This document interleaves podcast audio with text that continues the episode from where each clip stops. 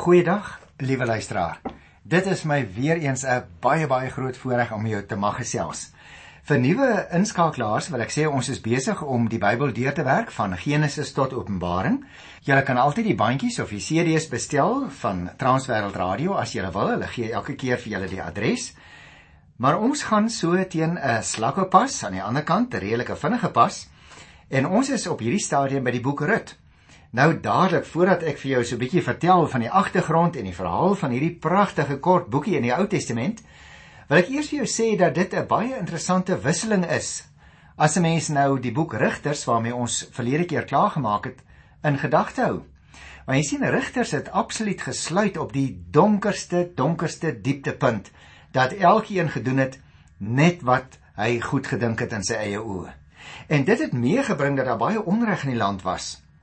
Ons het eintlik vier verskillende gruwelverhale het ek hulle genoem aan die einde van die boek Rigters behandel. Terwyl ons nou die Bybel oopmaak by die boek Rut, dan is dit iets heeltemal anders, asof die ligte aangeskakel word en 'n pragtige verhaal met diepe emosie, maar ook 'n verhaal waarin mense weer mense word, waarin daar weer besondere goeie verhoudinge tussen mense na vore kom. Nou ja, as jy en ek sou dink aan ons eie omstandighede nê in ons samelewing word 'n skoonma byvoorbeeld dikwels as skuif vir grappies en kritiek gebruik maar so spot en wys daarom gelukkig. Maar in die boek Rut lees ons 'n familieverhaal waarin die hoofkarakters dit is nou 'n skoonma en haar skoondogter 'n baie baie besondere verhouding het. Dis 'n verhouding wat selfs onder moeilike lewensomstandighede steeds hegter word omdat die onderbou daarvan besonder menslike eienskappe behels. Eienskappe byvoorbeeld soos lojaliteit, getrouheid aan mekaar en aan familiewaardes. Dit stel vir Naomi en Rut in staat om nie alleen vir 'n beter toekoms te beplan nie, maar dit ook met durf en met waagmoed te laat verwesenlik mettertyd. Trouwens, verantwoordelikheid vir wat met jou lewe gebeur is deel van die hooftema van hierdie verhaal. Jy sien, 'n ander deel van die hooftema is dat God se beskikking in menselewens nie in oppositie met menslike verantwoordelikheid geskied nie, maar dit komplementeer. Met ander woorde, liewe broer en suster, luisteraar, jy en ek het ook 'n verantwoordelikheid ten opsigte van ons eie lewe en die ontwikkeling van ons eie lewe. God se leiding kry in hierdie verhaal juis sigbaar gestalte wanneer mense hulle verantwoordelikheid nakom en ook andersom slaag menslike inisiatief juis omdat God gebeure so beskik het. In hierdie kort boekie Rut, liewe luisteraar, het 'n baie besondere aktuële boodskap vir die tyd waarin ons lewe, maar juis waarin familiewaardes en interpersoonlike verhoudings in 'n groot mate besig is om te disintegreer. Is dit nie waar nie? Wanneer mense weer konsentreer op dit wat hulle aan mekaar bind en hulle eie belang minder voorop stel, dan word verhoudings ook weer herstel en gebou. Meer nog, liewe luisteraar, dis ons ook waar deur trou en lojaliteit word alleen 'n sterker gemeenskap gebou. Maar elkeen wat getrou loja, lojaal is, baat self ook daarbey. Jy sien, uit standvastige families kom individue met inisiatief en met waagmoed wat ook in God se koninkryk baie nuttige burgers kan wees in die in die maatskappy elke dag. Kom ek vertel vir jou so 'n bietjie van die taal en die styl en die opbou van hierdie kort boekie rit. Miskien het jy geweet iemand het eendag opgemerk dat die boek Rit een van die parels in die wêreldliteratuur is en dat niemand al ooit so 'n pragtige kort verhaal geskryf het nie, word selfs gesê. nou ek dink dis inderdaad waar hoor. Die boek Rit kan as literêre kunswerk beskou word en die onbekende skrywer daarvan as 'n regte goeie kunstenaar. Die skrywer maak naamlik gebruik van allerlei taal en stylmiddels in die ontplooiing van die verhaal. In sy globale opbou, maar selfs in sy kleinste onderdele, vertoon hierdie verhaal 'n simmetrie en 'n afgerondheid. Deur skerpsinnige aanwending van woorde en frase herhalings, beklemtoon die skrywer sekere dinge. Tog, tog doen hy dit sonder om opgesmik of vreemde woorde te gebruik. Die verhaal ontprooi sober met sprankelende eenvoud Ongelukkig gaan baie hiervan in 'n vertaling verlore. Die feit is, liewe luisteraar, dat Rut 'n boek van baie hoë literêre waarde is, 'n treffende voorbeeld van die Bybelse verhaalkuns. Mens sou dit in 5 dele kon indeel. Hoofstuk 1 vertel vir ons eintlik van 'n krisissituasie van droogte en afsterwe van Elimelek en sy seuns en terselfdertyd Rut wat saam met haar skoondogter Naomi terugkeer na na, na Juda toe. Die tweede hoofstuk is die eerste ontmoeting tussen Boas en Rut op die oesland. Dan die derde hoofstuk. Daar het ons die tweede ontmoeting tussen Boas en Rut by die dorsvloer. Hoofstuk 4 se eerste helfte, dit is vers 1 tot 17, daarin word die krisissituasie opgelos, naamlik die geboorte van Obed. En dan so 'n kort stukkie aan die einde van hoofstuk 4, dit is Rut 4 vers 18 tot 22, daarin word die geslagsregister met die oog op Dawid se geslag baie kortliks vir ons vertel. Daarom moet ek ook dadelik vir jou so 'n bietjie vertel van die datering en die outeurskap van die boek Rut. Luisteraars, ons het geen aanduiding van wie die skrywer van die boek Rut is nie. Daar bestaan geen grond vir die rabbynse tradisie dat Samuel die outeur was nie. Ek dink ons kan dit dus buite rekening laat. Wat wel interessant is, die gebeurtenisse wat in die boek beskryf word, speel af in die rigtertydperk. Mens kom dit al reeds in die eerste vers agter. Die rigtertydperk, onthou jy nog, kan 'n mens so plaas tussen min of meer 1200 tot 1000 voor Christus, so min of meer. Die vermelding van Dawid se naam in die geslagsregister in Rut 4 vers 17 en 22 dui egter daarop dat die verhaal nie opgeteken kon gewees het voor na Dawid se tyd nie. Dit spreek tog van sigself, nie waar nie? Die meeste verklaarders neig dus tereg daartoe om te verklaar dat die boek nie voltooi kon gewees het voor die naballingskap se tyd nie. Dit wil sê so die 6de eeu voor Christus of selfs nog daarna. En die motivering wat hiervoor aangegee word, is dat die geslagsregister in Rut, die 4de hoofstuk, gebaseer is op die geslagsregister wat 'n mens ook kry in 1 Kronieke 2 vers 4 tot 15. Jy sien, daar is 'n stemmigheid onder Bybelverklaarders dat die boek Kronieke in die tyd na die ballingskap opgeteken is. En dit is dus vir ons baie belangrik juis om te help met die geslagsregister wat ons daar kry. Nou liewe luisteraar, voordat ek nou gaan begin in die volgende program om die inhoud van die boekie self te bespreek versie vir versie, wil ek graag vir jou so ietsie vertel van die plek en die doel van die boek Rut, want dit is nogal baie interessant as 'n mens oud Israel se geskiedenis wil verstaan. Jy sien, oorspronklik het die boek Rut nie tussen die boeke Rigters en 1 Samuel soos dit in ons Bybel opgeteken is gestaan nie, maar heel later in die Ou Testament eers voorgekom. Dit was een van die sogenaamde feesrolle. Dit wil sê, die boeke wat later in die geskiedenis van die Jode tydens bepaalde feeste voorgeles is. Rut byvoorbeeld is gedurende die fees van die weke wat ons nou vandag sou noem die Pinksterfees, die fees wat met die insameling van die graanoes gevier is gelees omdat die verhaal teen die agtergrond van 'n oesinsameling afspeel. Dit was in die ou Griekse vertaling van die Ou Testament wat mense die LXX noem, uh het die boek vir die eerste keer net na Rigters en voor 1 Samuel geplaas gewees. Die rede daarvoor is dit: omdat dit juis in die rigtertyd afspeel en die geslagsregister van Dawid bevat, soos wat ek net nou probeer verduidelik het. Jy sien, die uiteindelike doel van die boek is om die nie-Israelitiese afkoms van die beroemde koning Dawid in die regte lig te stel. En daarom dink ek is dit baie gepas om dit te behandel saam met die verhale wat gaan oor die gebeurtenisse wat Dawid se salwing as koning vooraf gegaan het. En daarom is dit in ons Bybel uh, is die boekie Rut juis op hierdie plek aan die einde van Rigters, maar voor 1 Samuel geplaas. Die volgende aspek wat ek graag so 'n bietjie oor uh, wil gesels met jou is hierdie feit. Die verhaal van Dawid se Moabitiese afkoms. Jy sien, ons besef nie altyd nie. Dawid het ook Moabiete in sy voorgeslag gehad en dit gaan ons terugvind in die boekie Rut. Kom ek vertel vir jou so 'n bietjie van hierdie verhaal. Die gevolg van 'n droogte was eintlik die ding wat vir Elimelek met sy vrou Naomi en hulle twee seuns Maglon en Kiljon uit Bethlehem na die land Moab toe geneem het. Elimelek sterf egter daar. Die twee seuns trou intussen met Moabitiese meisies. Rut en Orpa was hulle name. Maar die seuns sterf ook daar in Moab. Rut en Orpa word nou kinderloos agtergelaat.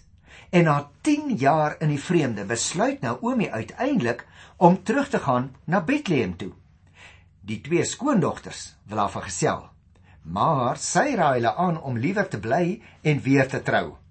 Orpa draai uiteindelik terug, maar Rut, sy weier en sy gaan saam na Bethlehem toe. En daarom wil ek nou vir jou die verhaal verder vertel dat ons eers kan verstaan voordat ons na die detail kyk hoe dit nou verder verloop het. In Bethlehem aangekom, Gerrit are optel op die lande wat daar geoes word. Dit was nou 'n gebruik natuurlik in daardie tyd wat jy nou al ken, dat arme mense die are wat die snyers uitval vir hulle self kon bymekaar maak. Sy beland op die landerye van 'n man met die naam Boas. En toe hy nou verneem dat die vreemdeling Rut die skoondogter van Naomi was, het hy haar baie goed behandel. Aan sy werkers het hy opdrag gegee om haar nie te molesteer nie en om selfs met opset 'n klomp are te laat val. Hy was jammer vir die meisie. Hy sê dan vir Rut om nie elders te gaan are optel nie, maar haar by sy eie diensmeisies te voeg en ook van hulle voorregte te geniet. En die aand, ja, die aand kom sy dus met 'n groot klomp gars by Naomi, haar skoonma, aan. Sy hoor toe dat Boas eintlik 'n bloedverwant van Elimelek was.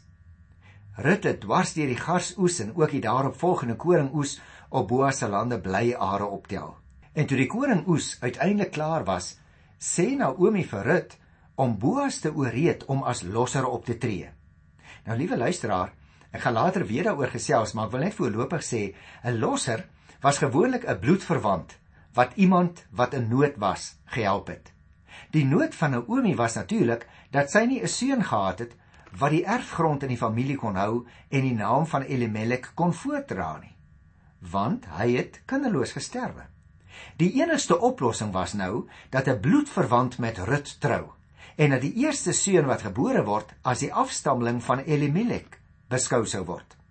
In daardie tyd was swaars verplig om met so 'n weduwee te trou, maar ander bloedverwante kon kies. Met die probleme gedagte het Naomi sekere opdragte aan Rut gegee. En toe teen die aand, nadat Boas hulle klaar op die dorpsvloer fees gevier het, het Boas by die hoopkoring gaan slaap. En toe hy vasslaap, het Rut stilletjies nader gekom en by sy voete gaan lê. Toe hy later wakker word en haar bemerk, het sy hom gevra om as losser op te tree deur met haar te trou. Nou vir ons klink dit so bietjie asof sy 'n losvrou was, maar alles daarteenoor Dit was nie die geval nie. Hy het haar geprys vir haar deegsaamheid, want sy kon net sowel eerder jongermans nageloop het. Tog, terwyl van die naam en die erfbesit van Elimelek, was sy bereid om hom, die losser met soveel ouer as sy was, te nader. En hy willig in om as losser op te tree. Maar nou sê hy 'n belangrike ding, dat daar 'n ander bloedverwant was wat eerste reg op lossing het en dat hy dit eers met hom moes gaan reël. Die oggend het sy sonder versuim na die stadspoort toe gegaan. Dit was natuurlik die plek waar alle inwoners moes deurgaan om by hulle werkplekke te kom. Om nou ook genoeg ruimte in die poort was, was dit juis die plek waar hofsittings gehou is. Dit weet ons seker al almal, né? Geskille is daar besleg. Dikwels is transaksies daar in die stadspoort gesluit. En daarom gaan hy daarna toe. In die teenwoordigheid van 10 oudstes van die stad as getuies het Boas die eerste aanspraakmaker vertel dat Naomi die grond van Elimelek wou verkoop. Die persoon was dadelik gewillig om die grond te koop. Boas lig hom toe in dat hy dan ook met Rut moes trou en dat die eerste seun uit die huwelik as Elimelek se afstammeling beskou sou word. nou ja, die seun sou dan natuurlik uiteindelik die eienaar van die grond word. En toe die man dit hoor, het hy dadelik van plan verander. Dit sou die erfporsie van sy ander seuns benadeel en daarvoor het hy natuurlik nie kanse sien nie. Daarop draai hy sy regte aan Boas oor deur voorgetuies sy skoen uit te trek en aan Boas te gee. En daarmee was die ooreenkoms natuurlik nou regsgeldig. En so het Boas die grond gekoop en met Rut getrou. Uit die huwelik, liewe luisteraar, is 'n seun met die naam Obed gebore. Ek het net nou in die program al sy naam vir jou genoem. Obed se seun was Isaai. En nou moet jy mooi luister. Obed se seun was Isaai wat weer die pa van Dawid was. Op so 'n besondere wyse is die weg dan berei vir die koms van die gevierde koning van Israel, koning Dawid, wat later op die jaar 1010 op die troon van Juda gaan sit het in Jerusalem.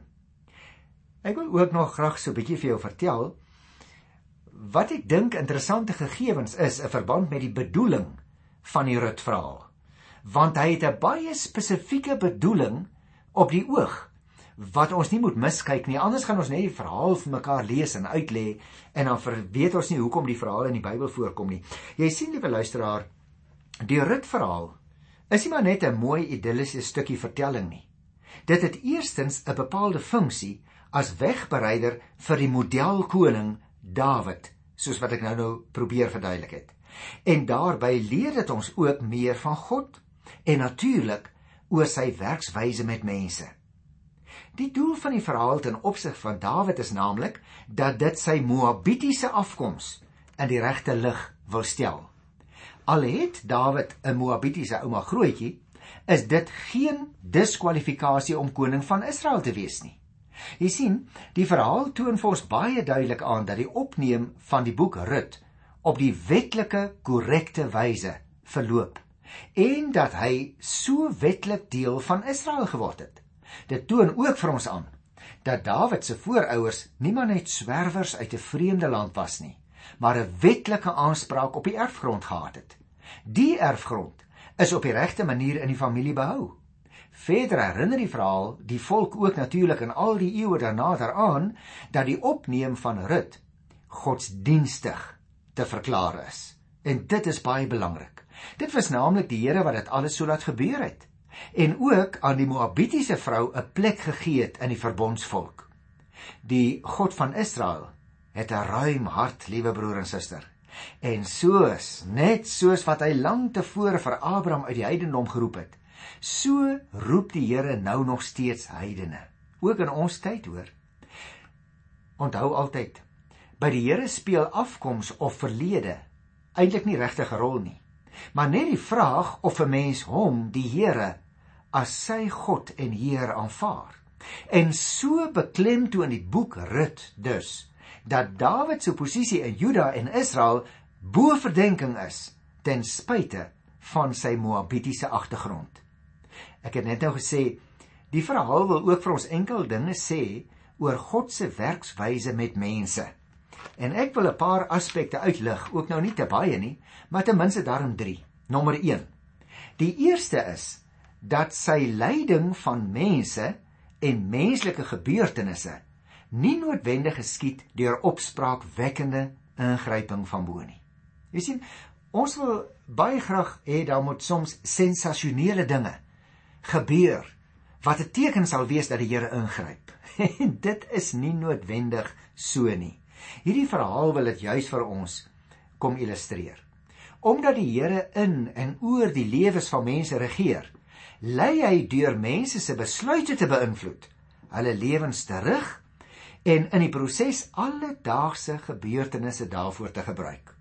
En nou liewe luisteraar, is dit by uitstek juis die manier waarop die Here normaalweg in die lewens van mense en in die geskiedenis van volke werk. Dit sou ook die manier wees waarop God met 'n tyd vir Dawid op die troon sou plaas. 'n Tweede belangrike riglyn omtrent God se werkswyse. Die aandag word gefestig op 'n werkswyse wat al vroeër in die Ou Testament teëgekom is. Dit is naamlik dat God nie die volmaakte mens, die een met 'n onberispelike verlede soek om sy werk deur te doen nie. Hy is die een wat iemand met heidense bloed in sy are kan verhef tot die modelkoning van Israel. daarmee val die volle lig nou nie meer op Dawid nie, het jy opgemerk, maar ontvang die Here, die wonderlike God van Israel, al die glans en die glorie. O luisteraar, 'n God wat nie die persoon en sy afkoms in berekening bring nie. Hy is groot en hy is heerlik. Die derde aspek wat ek net wil onderstreep wat betref God se werkswyse wat na vore kom in die boek Rut, is dit.